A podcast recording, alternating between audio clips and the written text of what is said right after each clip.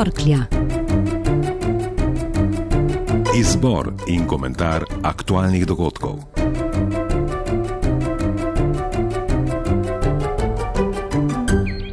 Tantissimi macchine rotti, più di 30 macchine rotti, macchina sopra macchina anche. To je prvi voznik, ki sem ga v soboto srečala na zamegljeni avtocesti pri Golem vrhu. Iskal je mehanika in avtovleko, še vedno v šoku. Dobro uro prej je za las ušel tragediji, mogoče smrti. Imel je srečo. V nesreči so se poškodovale tudi osebe, ki so vozile dovolj počasi, ki so se že uspele ustaviti. V tej loteriji so imeli nekateri srečo, drugi so izgubili. Kljub izjemno hitri in usklajeni pomoči. Direktorica zdravstvenega doma Postojna Irena Vatovec. Naučili smo se, da takoj, kadar je znak masovne nesreče, ne šparamo z silami in sredstvi.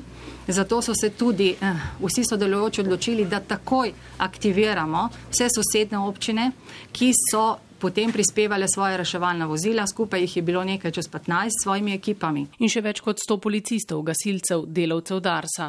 In spet polemika, je Dars naredil vse in dovolj? A dajmo enkrat zares obrniti vprašanje, ali naredimo dovolj vozniki, ko sedemo v avto. Ulrich Zurin pravi, da so števci Darsa vso soboto pred in po nesreči na primorski avtocesti beležili previsoke hitrosti. In te maksimalne hitrosti so se do 3 160-140 držale in potem ob štirih naprej, ko smo opozarjali s portali, da je nesreča, ker vozniki pa najbolj reagirajo na znak nesreča ali pa napis radar. Takrat vozniki najbolj reagirajo. Splošna nevarnost, megla, križ, puščice, semafori, to, to jih ne zanima, tudi predore se nam vozijo, ko zapremo, ampak ko piše radar, pa, pa znak za nesrečo, pa spustijo hitrost. Tako da ob štirih se ta hitrost znižala, tudi ti maksimalni so padli na 130-120. In kar je zanimivo, ob desetih zvečer je to spet naraslo na 150, na 140. Ne? Bomo mogli še dosti narediti, da bomo te hitrosti znižali. Kako je res stvar razprave in stroke? Domačinov pred leti, ko so gradili avtocesto mimo Senožeč, niso poslušali. Danes je za kakšno novo traso mimo česa ali okoli golega vrha res prepozno.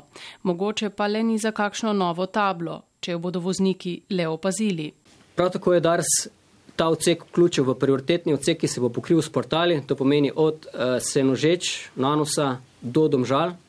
Ta cel krak, vključno z Ljubljanskim ringom, se prioritetno pričenjajo projektiranja projektne dokumentacije. Tudi strokovnjak za promet Andrej Brgles ni pristaš prevelikega števila signalizacije, sploh ker prav na tem odseku že obstaja. Kadar so take odseke, kot je tukaj, kjer se kot je meteorolog povedal, večkrat v letu lahko pričakuje uh, gosta megla, mora predtem biti opozorilo. In je. Zakaj ga ne upoštevamo? Ker namreč, ko se pride v meglo, je že prepozno. Kot rečeno, table, portali in lučke ne pomagajo, če jih vozniki vidimo, a ne upoštevamo.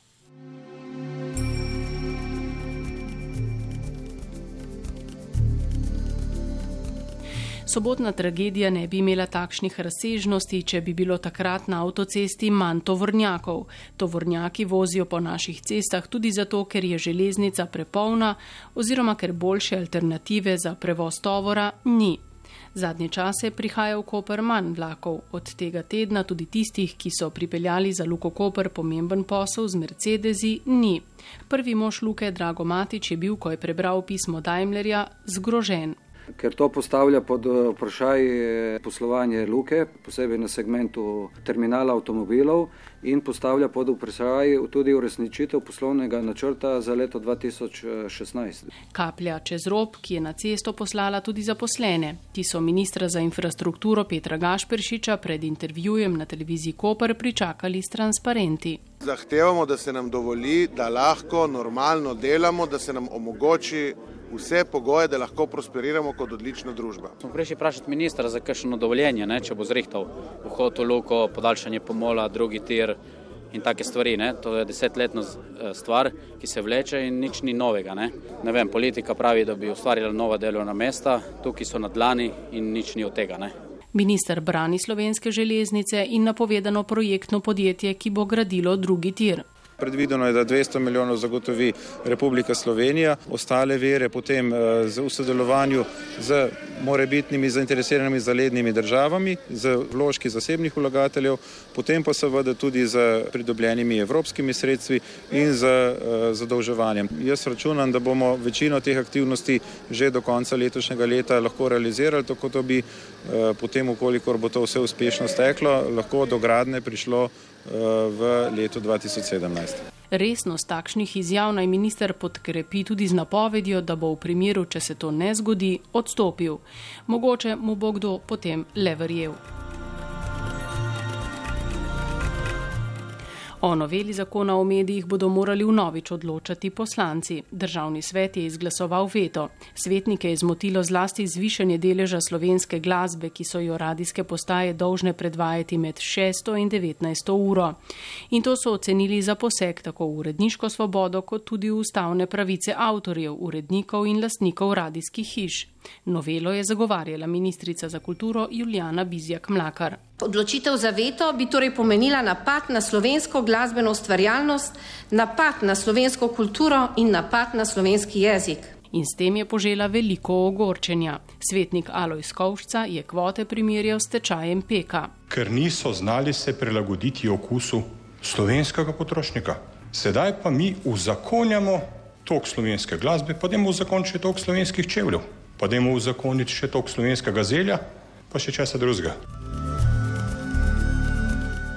In ko smo že pri državnem svetu, ne moremo mimo zgodbe izpred štirih let, ki je te dni dobila novo poglavje.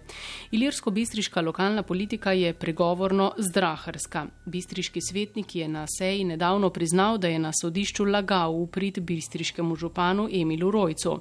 Ta se je moral zagovarjati zaradi poskusa kršitve enakopravnosti pri volitvah v državni svet pred štirimi leti. Takrat je bil tudi zaradi ravnanja bistriške občine kandidat le eden. Rojc Šarec je bil na sodišču na koncu oproščen. Vojko Tomšič, tudi nekdani podžupan, je na seji javno povedal, kako je potekalo daj dan po bistriško in na koncu priznal laganje. Da sem na sodišču izjavil, da na redno sejo nisem mogel priti, ker sem bil službeno odsoten. To sem naredil po eh, nalogu župana takratnega zdajšnjega rojca. Eh, v bistvu pa sem bil v Iljerski bistrici, ampak ta seja je bila tako ali drugače preklicana. Tako da se ne čutim, da sem kaj pretirano naredil na robe. Tomšič naj ne postane junak te zgodbe, lagal je na sodišču, kriminalisti so ga pred dnevi že obiskali, a tudi naj ne ostane edini, ki bo nosil posledice. Pošiljanje inštruktorjev v Irak še ne pomeni sodelovanja v bojnih operacijah globalne koalicije, nas želi pomiriti zunani minister Kaler Rjavec. Slovenija ni samo potrošnik varnosti, ampak je tudi dejavnik, ki prispeva k uh, varnosti. Glede vpliva na varnost Slovenije pa Rjavec še Kar se tiče Slovenije, se bistveno ne spreminja. Odločitev ima, kot kaže, širšo politično podporo. Predlogi vlade so na zaprti seji odborov za obrambo in zunanje zadeve dobili soglasno podporo.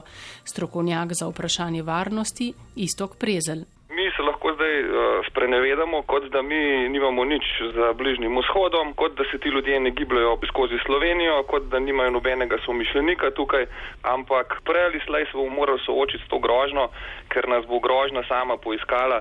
In zato je bistveno bolje, da tako grožnjo zaezimo na samem izvoru in da ne pustimo, da se razraste doma. Na vprašanje, ali bomo zaradi te pomoči postali bolj ranljivi za maščevalne akcije samouklicane islamske države, nimamo odgovora le domnevo.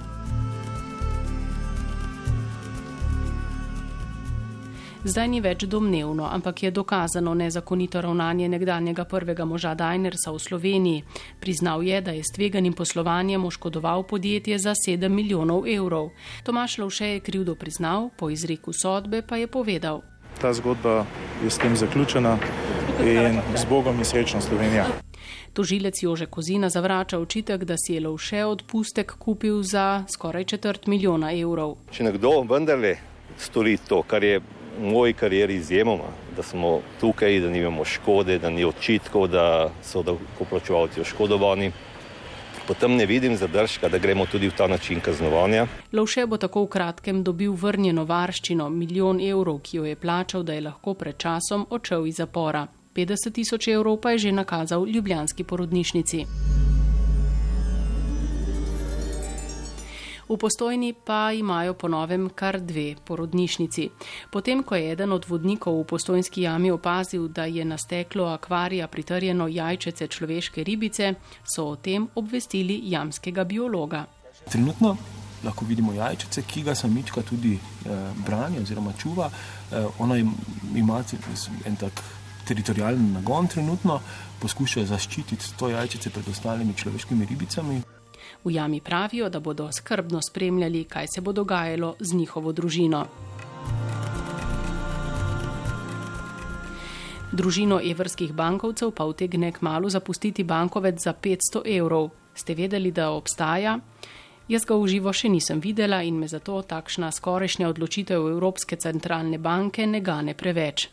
Sicer pa je bilo v tednu, ki sem ga skozi torkljo stisnila Tjaša Škamperle, že tako dovolj ganljivih trenutkov. Nekateri naj se ne ponovijo nikoli več.